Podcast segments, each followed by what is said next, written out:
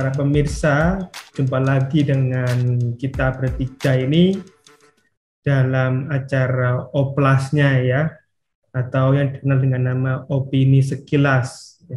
Nah, untuk topik kita pada sore hari ini, kita akan mengangkat suatu fenomena, yaitu terkait dengan adanya perjudian yang berkedok investasi seperti itu. Dan untuk membahasnya di sini ada Fitri sama Surya. Itu. Oke.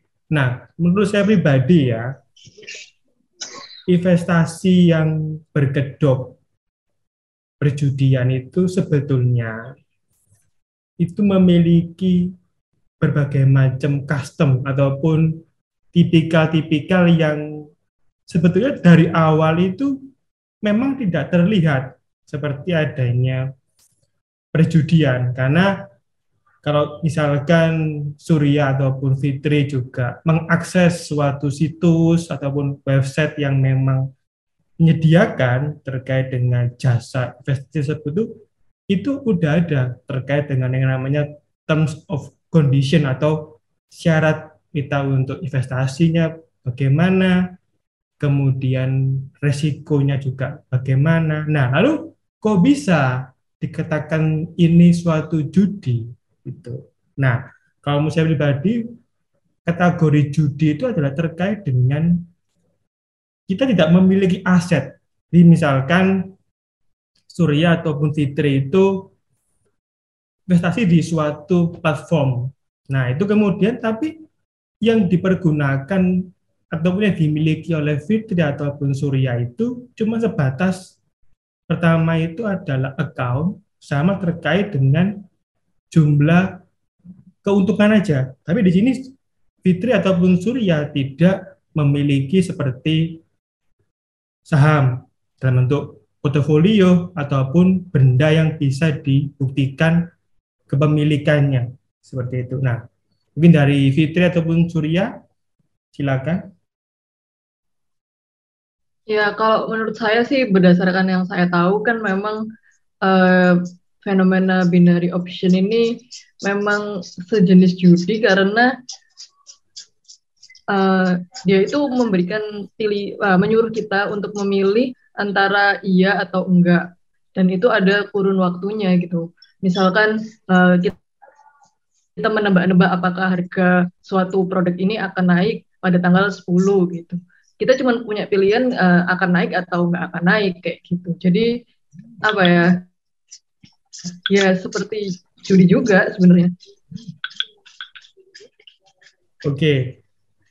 ya karena itu soalnya memang istilahnya kalau kita lihat memang salah satunya kan ada dalam bentuk binary option tadi itu cuma itu memang kalau dilihat secara websitenya ya itu udah ada sih istilahnya kayak kalau kalau misalkan kita join itu kira-kira misalkan kita tidak memilih di tanggal tersebut itu kira-kira apakah ada resikonya dan bagaimana? Kemudian terkait dengan kehilangan juga bagaimana? Dan juga itu juga menyediakan semacam pihak ketiga jadi semacam orang yang bisa memberikan semacam prediksi ya. Kira-kira ini nanti kita ambil ini bakal menguntungkan enggak ya? Kan begitu itu. Silakan dari Surya. Bino apa? Ini yang yang binary option. Yang kena itu binomo kan ya? Binary option. Enggak, tapi nama websitenya binomo bukan? Bukan. Binary option soalnya beda. Ada ada ada binomo juga masuk ke dalam binary cuman yang menggunakannya itu juga banyak nggak cuma binomo Hmm. Gimana? Kalau binary option ini kan sebenarnya produk lama kan ya? Mm -hmm. Mungkin aku tahu itu sudah dari tahun 2014 mungkin aku tahu itu ya. 14 15 gitu deh. Kalau binary option itu pure pure judi ya. Udah pasti udah pasti anu ya. Resiko ditanggung penumpang gitu kan ya. Cuman hmm. kan memang di negara kita ini nggak melegalkan aja judi. Kalau di negara kita dilegalkan judi seharusnya tidak apa-apa. Sebenarnya kan judi itu resiko ditanggung penumpang. Kan gitu. Berarti nanti kalau cryptocurrency termasuk judi enggak? Kalau menurut saya sih beda sih Surya. Karena cryptocurrency itu berhubungan dengan mata uang digital. Nah, itu kan ada namanya marketplace atau yang tempat kita itu bisa memantau terkait dengan kursnya. Nah, kalau setahu saya terkait dengan sistem binari itu, itu memang dia kan hanya sebatas platform. Jadi untuk marketplace-nya yaitu tergantung dari masing-masing company-nya yang menyediakan isi terkait dengan akses tersebut. Jadi di sini beda kalau kita bilang terkait dengan cryptocurrency ini dia ada marketplace-nya. Bahkan juga terkait dengan cryptocurrency itu juga sudah mulai masuk ke area bursa efek tadi. Jadi dia ada beberapa spesifikasi yang berbeda. Gitu. Jadi kalau orang bilang sih kalau binary itu lebih kepada kita cuma melihat kurva ya, naik turun, naik turun, kemudian kita harus memilih kapan kita bisa oke okay, dan kapan kita bisa tidak seperti itu. Tapi kita nggak nggak pegang semacam seperti portofolionya, enggak. Jadi semacam kalau misalkan uh, Surya misalkan pakai memilih ya, ya kan sudah disuruh milih kuda A atau kuda B yang bakal menang dalam suatu perlombaan. Nah, seperti itu. Tapi di sini Surya enggak bukan pemilik dari kuda tersebut. Jadi Surya hanya memilih berdasarkan uh, feeling, tapi ya Surya enggak punya kuda itu. Gitu loh. Oke, itu yang menyebabkan menjadi perbedaan. Nah, lalu apakah seru tapi ya, cuma kan di sini kan konteksnya main-main binary option itu kan or orang itu bikin bikin addicted ya. Betul. Banyak yang addicted. Itu memancing rasa kurios, rasa penasaran. Jadi misalkan kalau uh, Surya pernah coba ya, kalau aku sih pernah coba, cuman itu awal mula kalau aku pribadi pakai yang account free. Itu memang awal mulanya sih oke. Okay. jadi uh, menang menang Dikasih menang. Ya memang menang. Terus kemudian uh, ketika itu aku kalah. Itu habis. Habis kemudian karena aku penasaran aku coba pakai account yang premium. Jadi saya mem, apa, memiliki namanya itu afiliasi dengan seorang saya juga perhatikan kemudian kok anu ya kok kayak eh ini menarik cuma apa yang membedakan? Ini aku juga lihat-lihat iya ya ternyata di sini tuh ketika kita memilih option tadi itu memang ada semacam resikonya. Jadi jadi apakah saya tahu nggak itu resikonya? Tahu karena itu semua tercantum dalam websitenya. Jadi aku juga bisa baca oh kira-kira ini kalau aku uh, invest sekian itu bakal rugi kira-kira berapa.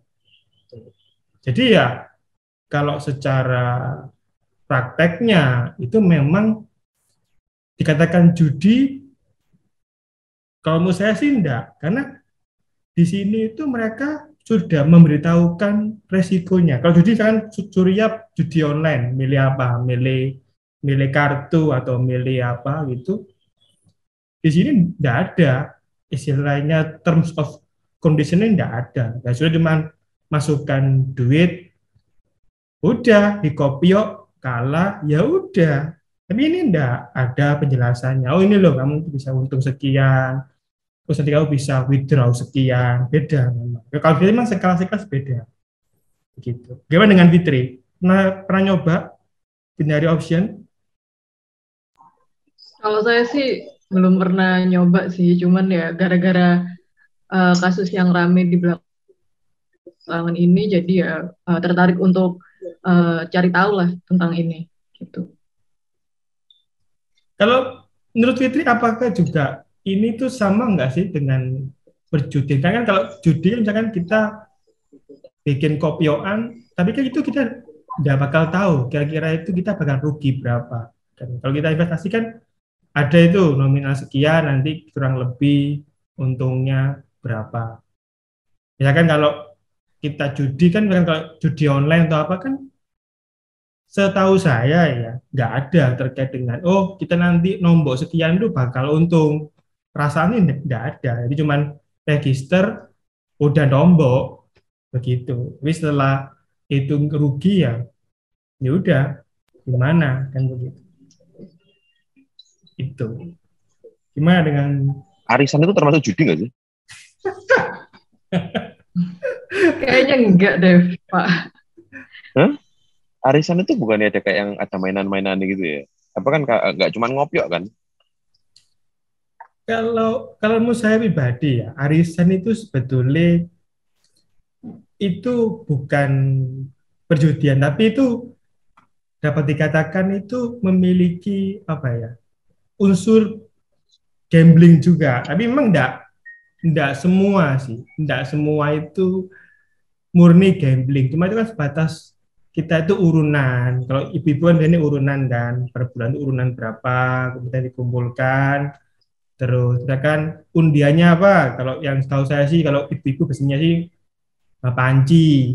Oh ya, menang panci. Gitu. Cuman uh, istilahnya kalau misalkan dia nggak menang-menang, mulai timbul pertanyaan, duh, kok perasaan aku join nggak menang-menang ya, ya tadi. Cuma tuh apakah itu kemudian dapat dikatakan judi? Tidak sepenuhnya. Karena di sini itu sebenarnya cuma apa ya? Pertama itu untuk mempererat hubungan mereka. Kemudian kedua juga definisi judi menurut hukum kita itu apa sih, kok? Judi itu kalau menurut regulasi itu adalah kita itu mempertaruhkan ya, mempertaruhkan sesuatu yang memang itu hanya berdasarkan angan-angan, kemudian juga di sini itu ada keuntungan yang kita bisa dapat, dan yang ketiga adalah ada faktornya untuk hukumnya itu adalah di sini itu kita membuat efek itu menjadi candu. Jadi kita semacam ketagih. Tapi kalau arisan kan, setahu sih kalau nggak dapat kopioan ya ada sing udah pindah ke arisan lain. Maksudnya enggak Enggak kopiok terus sih. Enggak, karena kalau dulu aku tuh kalau kalau waktu ini ngopiok nyandu. Ibu-ibu itu kan nyandu, eh waktunya kopioan, waktunya kopioan gitu kan. Sampai semua ditinggalin kayak gitu. Kamu gak ikut kopioan, Fitri? Uh, kalau saya sih arisannya beda sih, Pak. Maksudnya arisan yang pernah saya ikut itu ya dapat semua gitu. Cuman tergantung kapan aja dapetnya cuman pasti akan selalu dapet gitu. Ya kan itu kayak, kan, kayak kayak kamu tiap bulan nabung nanti diundi kapan dapat gitu kan? Iya ya sekedar kayak gitu aja sih. Memang konteksnya agak berbeda kan. Kalau misalkan ada yang nggak dapat juga itu pun juga ya itu kemudian menjadi istilahnya alah kayak dapat ya wis. Kalau kan memang yang diundi kan yang nggak terlalu besar nominalnya. Paling ya panci atau apa lah kalau sih banyak panci atau enggak kosmetik tas seperti itu. Cuma jarang sih sampai apa ya di atas puluhan m itu jarang. Tahu sih kalau arisan itu paling ya berapa? Kalau ibu itu paling paling banter tuh sebulan paling lima sepuluh. Itu aja sih Surya itu pun kalau itu pun yang kalangan itu ya, tahu saya yang memang kalangan sosialita ya sekitar segitu. Tapi kalau yang besar-besar ya biasanya ya satu dua tiga. Juta udah cukup lumayan sekali putar tadi itu. Jadi ya, aku tahunya arisan itu gara-gara ada temanku yang posting uh, uang arisan dibawa lari. Iya, sama kan. Ketika itu bahkan kalau terkait dengan binari kan itu misalkan loss itu pun juga udah langsung loss. Jadi ya kemudian apakah itu menjadi candu? Nah itu sebenarnya kalau bilang efek kecanduan tergantung dari kita masing-masing. Jadi kalau kamu uh, apa terkena emosionalnya, kemudian kamu terkena iming-imingnya, ya langsung misalnya sih, aduh, eh, nombok lagi deh, nombok lagi sekian, BE tahu eh, BE itu menang. Karena kan gini loh, efek tadi kan memang diawali dari pertama kan rasa kalah. Dia kalah kan pasti namanya orang kepengen toh, namanya itu BM, balik modal. Terus coba lah sekali sekali lagi lah les menang ya wis apa namanya uh, tutup kan gitu. Tapi ya namanya orang kan ya nyoba gitu. Lo kok kalah lagi ya? Mulai ya gitu. Terpancing ya gitu. Kalau menang-menang terus kayak Esin enggak lah. Karena sistemnya ada sistem lossnya gitu. Kalau arisan mungkin kalau Fitri bola balik nggak dapat juga pasti juga akan pikir gini ah daripada aku di sini arisan kalau oleh-oleh ya mending pindah. Kan gitu masa terus urunan terus? Nggak mungkin. Gitu loh Surya gitu. tapi kalau menurut Sugi Indonesia itu harusnya melegalkan judi nggak sih? Kalau menurut saya pribadi sih sebetulnya itu perjudian itu anu ya uh, bukannya dilegalkan bukan. Tapi di sini tuh perjodohan itu semestinya itu harusnya itu dia bukan masuk ke arah yang bersifat kayak dunia investasi bukan. Karena kalau perjodohan itu mestinya itu kita punya pemerintah itu lebih kepada pertama itu sistemnya. Jadi terkait dengan kategori judi itu memang harus lebih spesifik satu. Kedua juga apakah itu kemudian diberikan fasilitas untuk judi, ya itu kalau menurutku sih enggak. Karena begini, setahu saya setiap tempat perjudian itu, itu pasti Surya ataupun Fitri ya, itu ada ciri khasnya apa. Di sini itu mereka-mereka semua yang join dalam perjudian itu memiliki pola pikir yang simpel. Apa? Pengen untung. Bahkan kalau beberapa case ya yang saya sempat juga tangani itu sampai belani ya seorang ibu rumah tangga itu uh, apa istilahnya kalau orang bilang sih mencuri demi hasrat untuk investasi di tempat yang memang kalau aku bilang itu judi karena judi enggak enggak cuma kaum pria aja yang join curi ataupun itu juga ada dari kaum wanita. Jadi ya, saya tahu ya ada yang sampai seperti itu. Jadi sampai menggalalkan segala cara untuk dapat modal, kemudian bisa untung. Seperti itu. itu. Nah, kalau dari Surya atau Fitri, kira-kira perjudian di negara kita itu boleh nggak sih? Silakan. Mungkin dari Fitri dulu.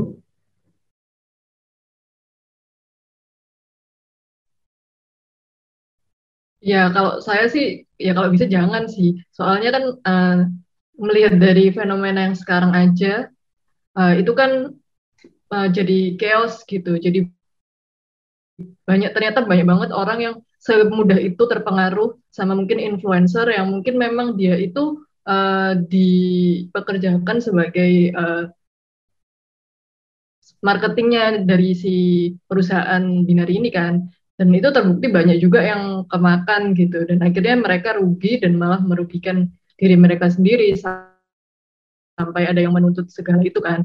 Jadi ya menurut saya sih lebih baik eh, nggak uh, usah dilegalkan lah. Daripada semakin banyak uh, korban yang uh, yang jatuh karena kan ya itu uh, mungkin rakyat kita tuh masih sedikit yang melek tentang investasi. Jadi pengennya uh, dikira uh, kaya itu bisa semudah itu itu gitu nggak bisa menerima kalau semisal ada risiko-risiko yang harus diterima. Kalau dari Surya Kalau aku nggak setuju, kalau nggak setuju, kalau aku setuju judi dilegalkan.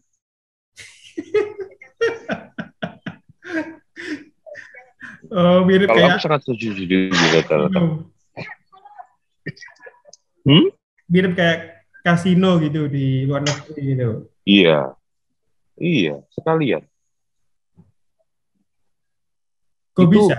Pariwisata kita langsung hidup itu.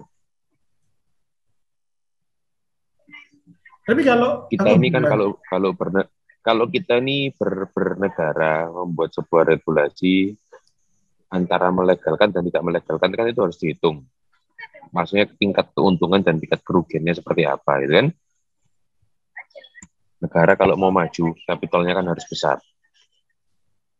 Kalau kita mau mengikuti, kita mau leading, itu semua harus punya capital. Mau bikin research and development juga harus punya capital. Mau bikin jalan tol juga punya capital. Kita kan capital nggak punya, maunya banyak. Ya kan? Sedangkan peminat judi di negara kita tuh luar biasa besarnya. Contoh, togel. Ya kan? Togel itu besar loh sampai hari ini. Itu itu luar biasa loh. Jadi orang itu ngutang sampai beli nomor togel. Apa? Ada yang suka explore explore itu tidur di di apa kuburan minta nomor itu kan itu sampai hari ini masih banyak sekali itu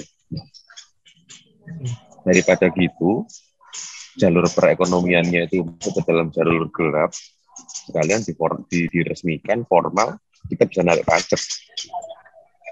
Kalau aku gitu sih. Cuman ya tinggal dihitung aja deterrence masuknya seperti apa. Kalau di negara kayak Singapura kan kalau kamu eh, warga lokal mau masuk kasino bayar 150 dolar. Ya walaupun tetap kalau sudah gila judi dibayar aja.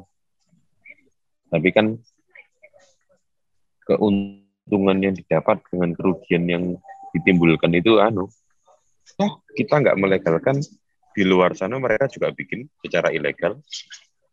Dan itu hanya me me memberikan manfaat dan kekayaan kepada beberapa orang aja yang dirugikan tetap orang umum. Ya kan? Iya. kan ini sama aku kayak bahas tentang pelacuran dilegalkan atau enggak. Iya, itu juga apa memiliki iya kan kakak pro kontra. Tuh. Sama, cuma ya pro kontra sebetulnya kan itu kalau aku kembali sekali deh kali semua kepada pilihan toh. Kalau misalnya kepada pilihan sih sebetulnya. Karena memang sistemnya kan eh, perjudian yang berkedok investasi itu sebetulnya kan itu berhubungan dengan suatu platform kan.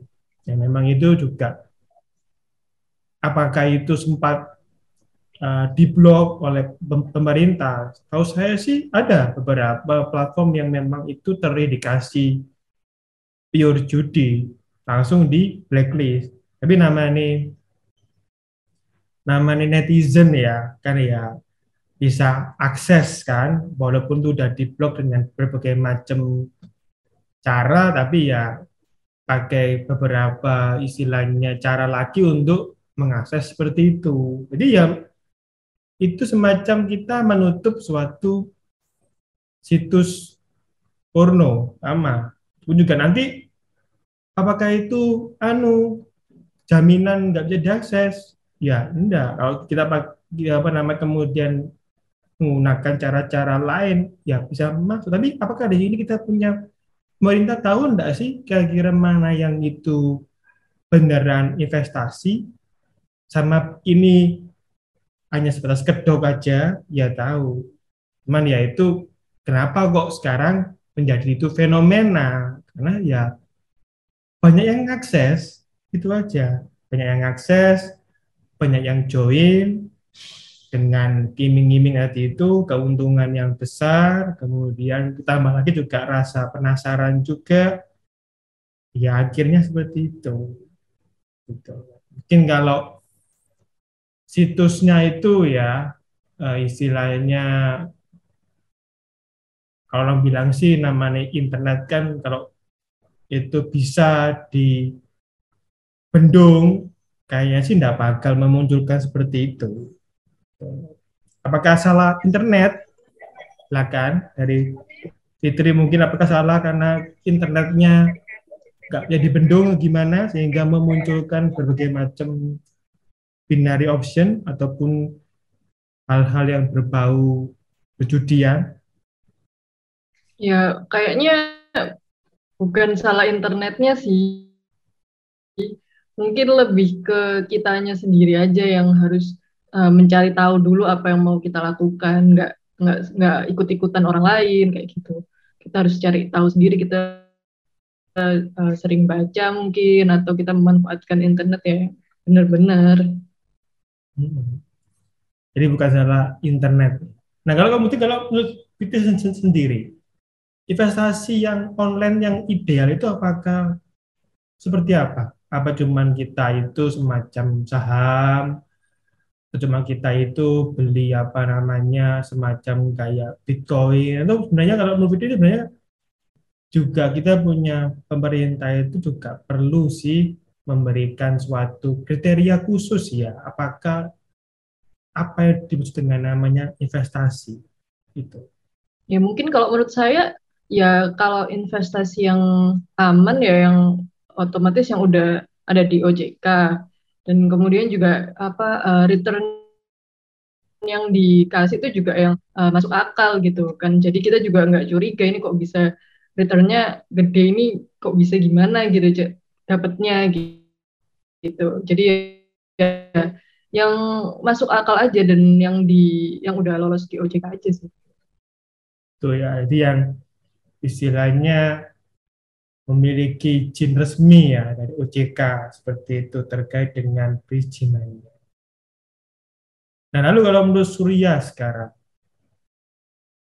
sebetulnya istilahnya dengan munculnya berbagai macam binary option itu, apakah sekarang itu sebetulnya ini apakah suatu tren kan kalau sudah pengertiannya ya yang namanya peminat judi kan cukup banyak. Lalu kemudian di sini apakah dengan munculnya binary option ini juga suatu tanda bahwasanya konsumen itu juga cukup banyak yang menggemari terkait dengan hal-hal yang berbau semacam perjudian. Silakan. Siapa sih nggak suka jadi kaya cepat?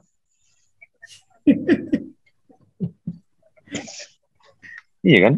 Kalau kamu kalau kalau kalau Fitri, aku bilang ke Fitri, Fitri, kamu punya uang 100, kamu bermain di tempatku dengan dengan ke dengan probability 50% antara iya dan tidak. Kamu bisa menggandakan uangmu dalam waktu 10 menit. Mau nggak? Mau. Hari gini kok kita ini generasinya kan sudah banyak secara demografis ya kan. Hmm. Generasi rebahan itu ah, sebenarnya akan menjadi menjadi yang paling besar kan angkanya yang dengan berbahan bisa cari uang kalau bisa cepat ya kan mau mau kalau mau agak vulgar bikin video-video di Bigo dan di TikTok ya kan? Kalau kalau punya kemampuan menggambar bikin karya-karya digital. Kalau tertarik finansial sambil tiduran investasi di kripto sama NFT nah terus kalau yang nggak punya semua itu ngapain? Dengan opsinya cuma yang simple kan? Orang ini kan simple sekali. Kalau A ya B kamu tahu kok kalau salah pasti kalah. Kalau benar menang. Kan 50-50 itu. Sudah nggak ada trik ya kan ya memang pada dasarnya aku bilang manusia ini memang suka judi Iya, jadi termasuk, termasuk dalam hidup sehari-hari ya? kan? Iya, kita ini kan hidupnya eh, semua yang kita lakukan ini berjudi. Cuman tinggal masalah probabilitas saja kan. Kita keluar dari rumah dari poin A ke poin B. E, tingkat keselamatan kita naik mobil, jalan kaki, naik sepeda motor kan beda-beda probabilitasnya. Tinggal pilih aja yang mana. Secara nggak langsung, life is a game, gambling game. Kalau menurutku ya, kita mengambil sebuah keputusan, ya tinggal dilihat aja orangnya itu uh, risk adverse atau risk takers gitu ya kalau mungkin dia di dalam hidup udah set first mungkin dia kepingin punya punya punya rasa ingin ah udah dari kehidupan aku biasa-biasa aja coba berani mengambil keputusan menggandakan uang dalam waktu 10 menit dengan binary option ya kan aku rasa di di dalam diri kita sebagai manusia itu kita suka kok berjudi kita tuh suka menebak sesuatu yang baru mengambil sebuah keputusan apalagi kalau biaya yang terkena di dalam yang yang yang biaya yang harus kita keluarkan untuk melakukan hal itu sangat kecil, sangat menarik. Hmm. Menurutku ya, itu gitu sih. Jadi kalau aku bilang kita mau nyetop judi itu nggak bisa kok. We love to gamble. Soalnya kita memang istilahnya hidup ya dilakukan dengan pilihan kan. Life is choice. Jadi apa pun kita Betul. memilih kan gitu. Jadi pilihan semua juga ada resikonya. Yes. Nih, Nah, lalu kemudian kalau misalkan kita punya pemerintahan itu melegalkan perjudian, diberikan fasilitas sama seperti di luar negeri ada kasino, ada berbagai macam itu kemudian itu legal.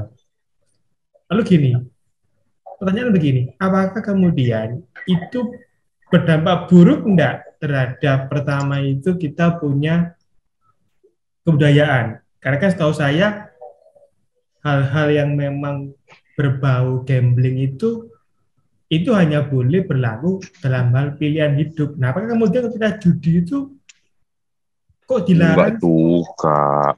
Hah? Tidak juga. Budaya kita ini juga budaya suka-suka judi. Siapa bilang? Di dalam semua budaya itu suka, apalagi kalau kalau kalau di budaya kita ini suka orang itu apa? Eh, bola. Judi bola itu luar biasa antusiasnya. Kadang-kadang ayah sama anak kalau nonton bola juga juga udah papa pasang ini, kamu pasang itu ya, taruhannya berapa. Itu pun terjadi di dalam kehidupan berumah tangga. Nanti dalam kehidupan berkeluarga itu terjadi. Wis tak percaya aku, percaya aku. Taruhan deh, taruhan deh. Ini pasti begini. Secara tidak sadar di dalam hidup kita ini kita juga sudah menantang dan melakukan hal yang dinamakan judi itu. Sudahlah, percayalah. Taruhan wis, taruhan wis. Oh, iya iya Iya kan soalnya Secara kita nggak sadar kita ini kita ini mencintai namanya judi. iya Dan itu karena- ada kok di dalam budaya kita. Jadi kita ini nggak merusak budaya.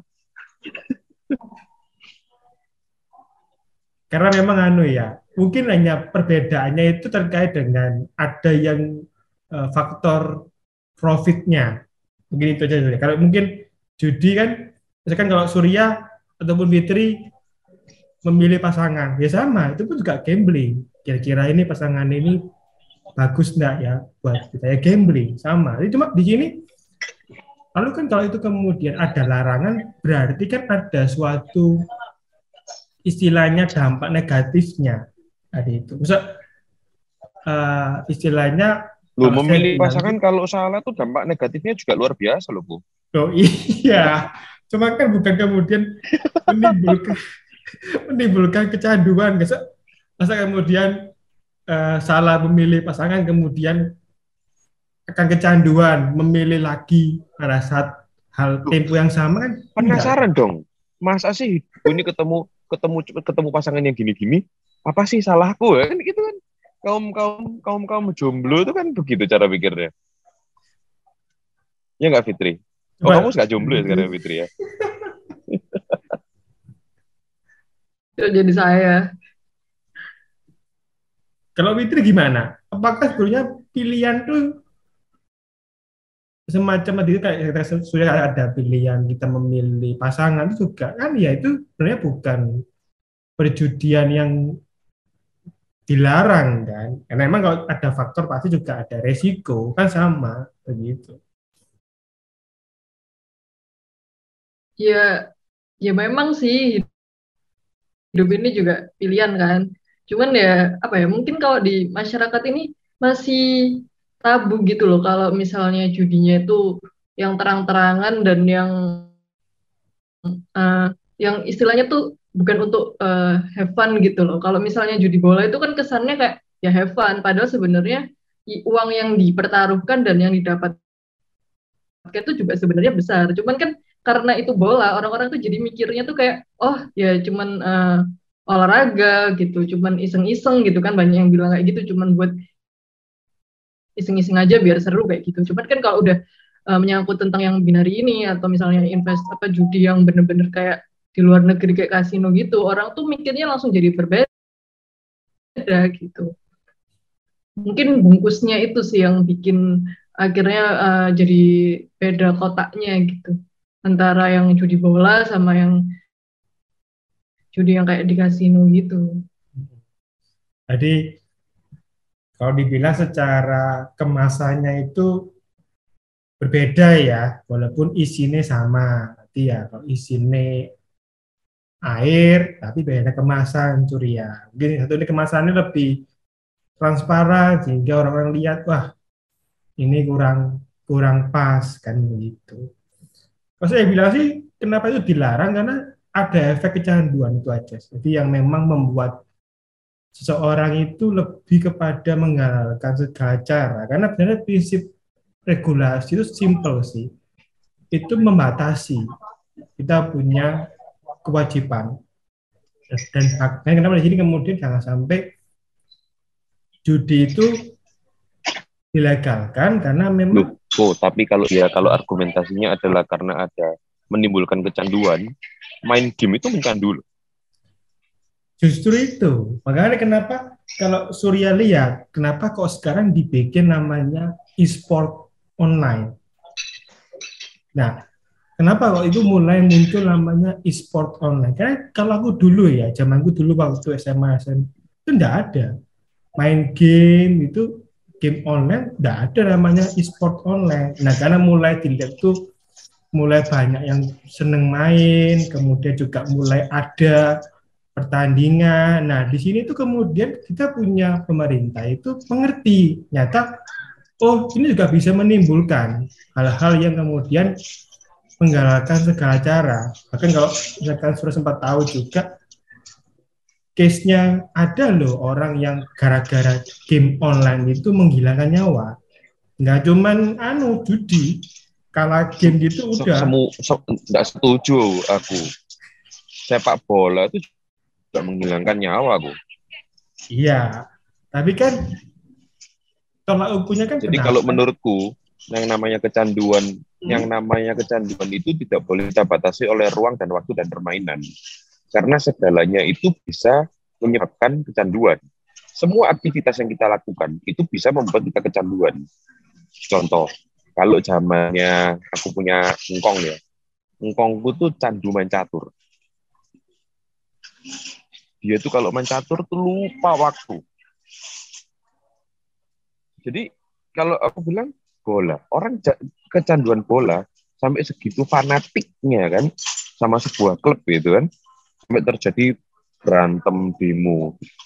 Nah, sekarang kebetulan kenapa adanya e-sports? Kalau aku bilang bukan karena karena e-sport itu menimbulkan kecanduan, kalau aku bilang lebih ke arah komersil, ada yang bisa dijadi duit. Iya, tapi gini loh, e-sport itu kan wadahnya. Kan itu kalau tahu saya, e-sport itu kan dia ada semacam mentornya yang memang itu memberikan semacam knowledge terkait dengan uh, istilahnya pertama jam main satu, kedua juga terkait dengan istilahnya porsinya. Karena kan kalau e-sport itu kan tahu saya itu dia sudah ada semacam manajemennya yang memang itu mengarahkan. Jadi enggak bukan anu ya, bukan open public itu kemudian semacam judi itu, tapi tidak ada yang mengarahkan. Gitu. Kalau e-sport kan ada manajernya, ada pelatihnya, dan itu memang ditujukan murni buat apa? Oh ini loh game ternyata itu buat olahraga. Jangan sampai kemudian game itu kemudian mengarah kepada indikasi judi seperti itu. Makanya kenapa ada wadahnya itu loh Surya. Kalau mungkin judi pertandingan game e-sport tuh sekarang bisa pasang loh kita. Hah? Pasang? Kita bisa pasang loh. Bisa pasang iya. tim mana yang menang. Itu ada platformnya. Iya, tapi itu kan istilahnya kalau Jadi saya... bisa kita bilang bahwa pemerintah membuat e-sport e-sport platform itu sebagai bahan untuk judi.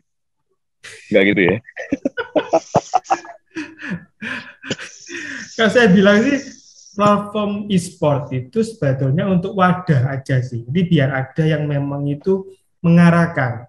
Karena kayak gini loh, kalau itu nggak ada sosialisasi, kayak misalkan apa ya, judi toge, ataupun judi kartu, judi apa segala macam itu, itu kan kalau tidak ada yang mengarahkan, menurutku ya kebiasaan netizen itu ya mereka berarti kalau nggak ada yang mengarahkan ya itu nggak apa-apa nggak dilarang seperti itu. Nah, kenapa?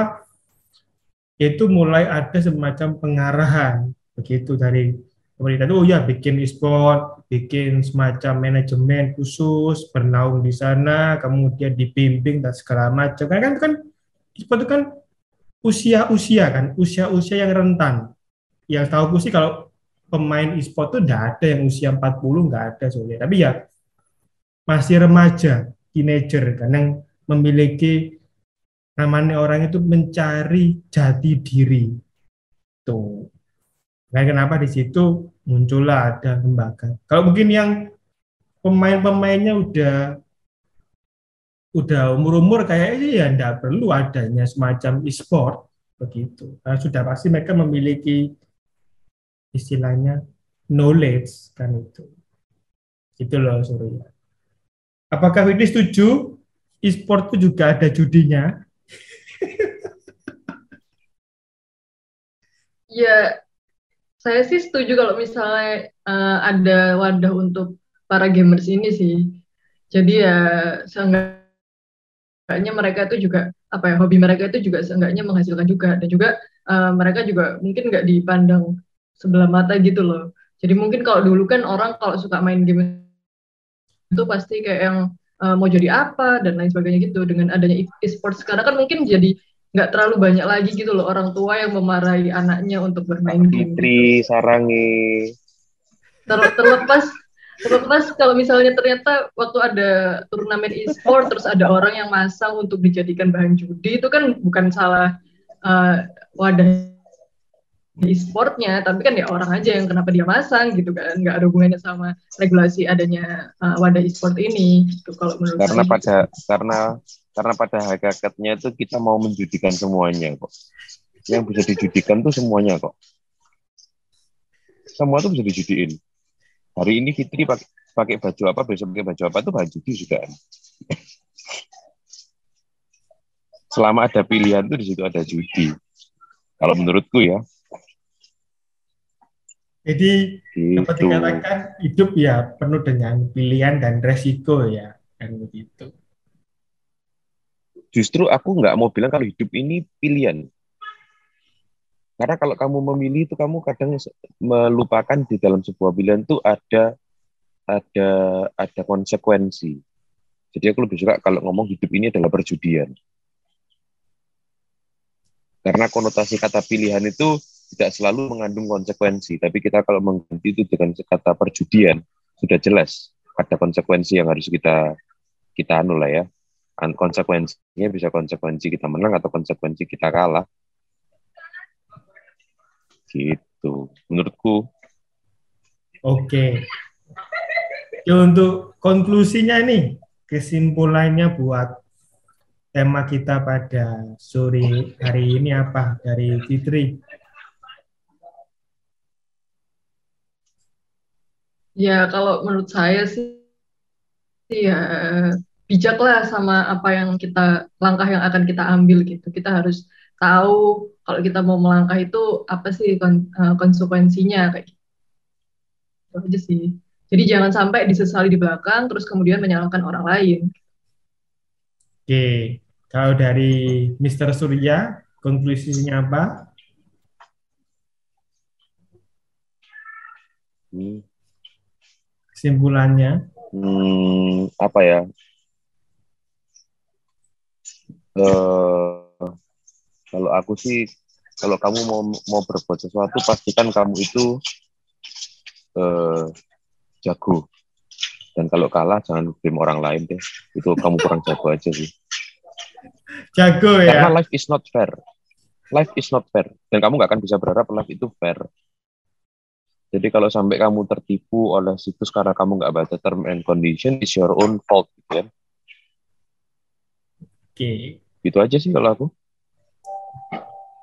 Kalau saya pribadi ya, untuk konklusinya adalah buat para netizen itu juga alangkah bisa memahami karena investasi itu pastikan kita di sini memiliki aset yang dapat kita istilahnya itu gunakan untuk mengklaim hak kita.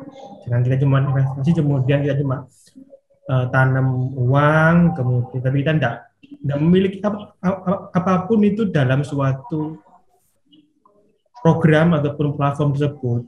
Karena kan udah murni masuk ke arah namanya itu perjudian. Jadi pastikan kita memiliki aset semacam seperti portofolio ataupun hal-hal yang kita bisa buktikan hak kita selaku investor. Seperti itu ya. Oke. Bagi yang sudah nonton ya, jangan lupa kemudian like, komen, dan subscribe. Sampai jumpa di edisi-edisi berikutnya ya. Bye-bye.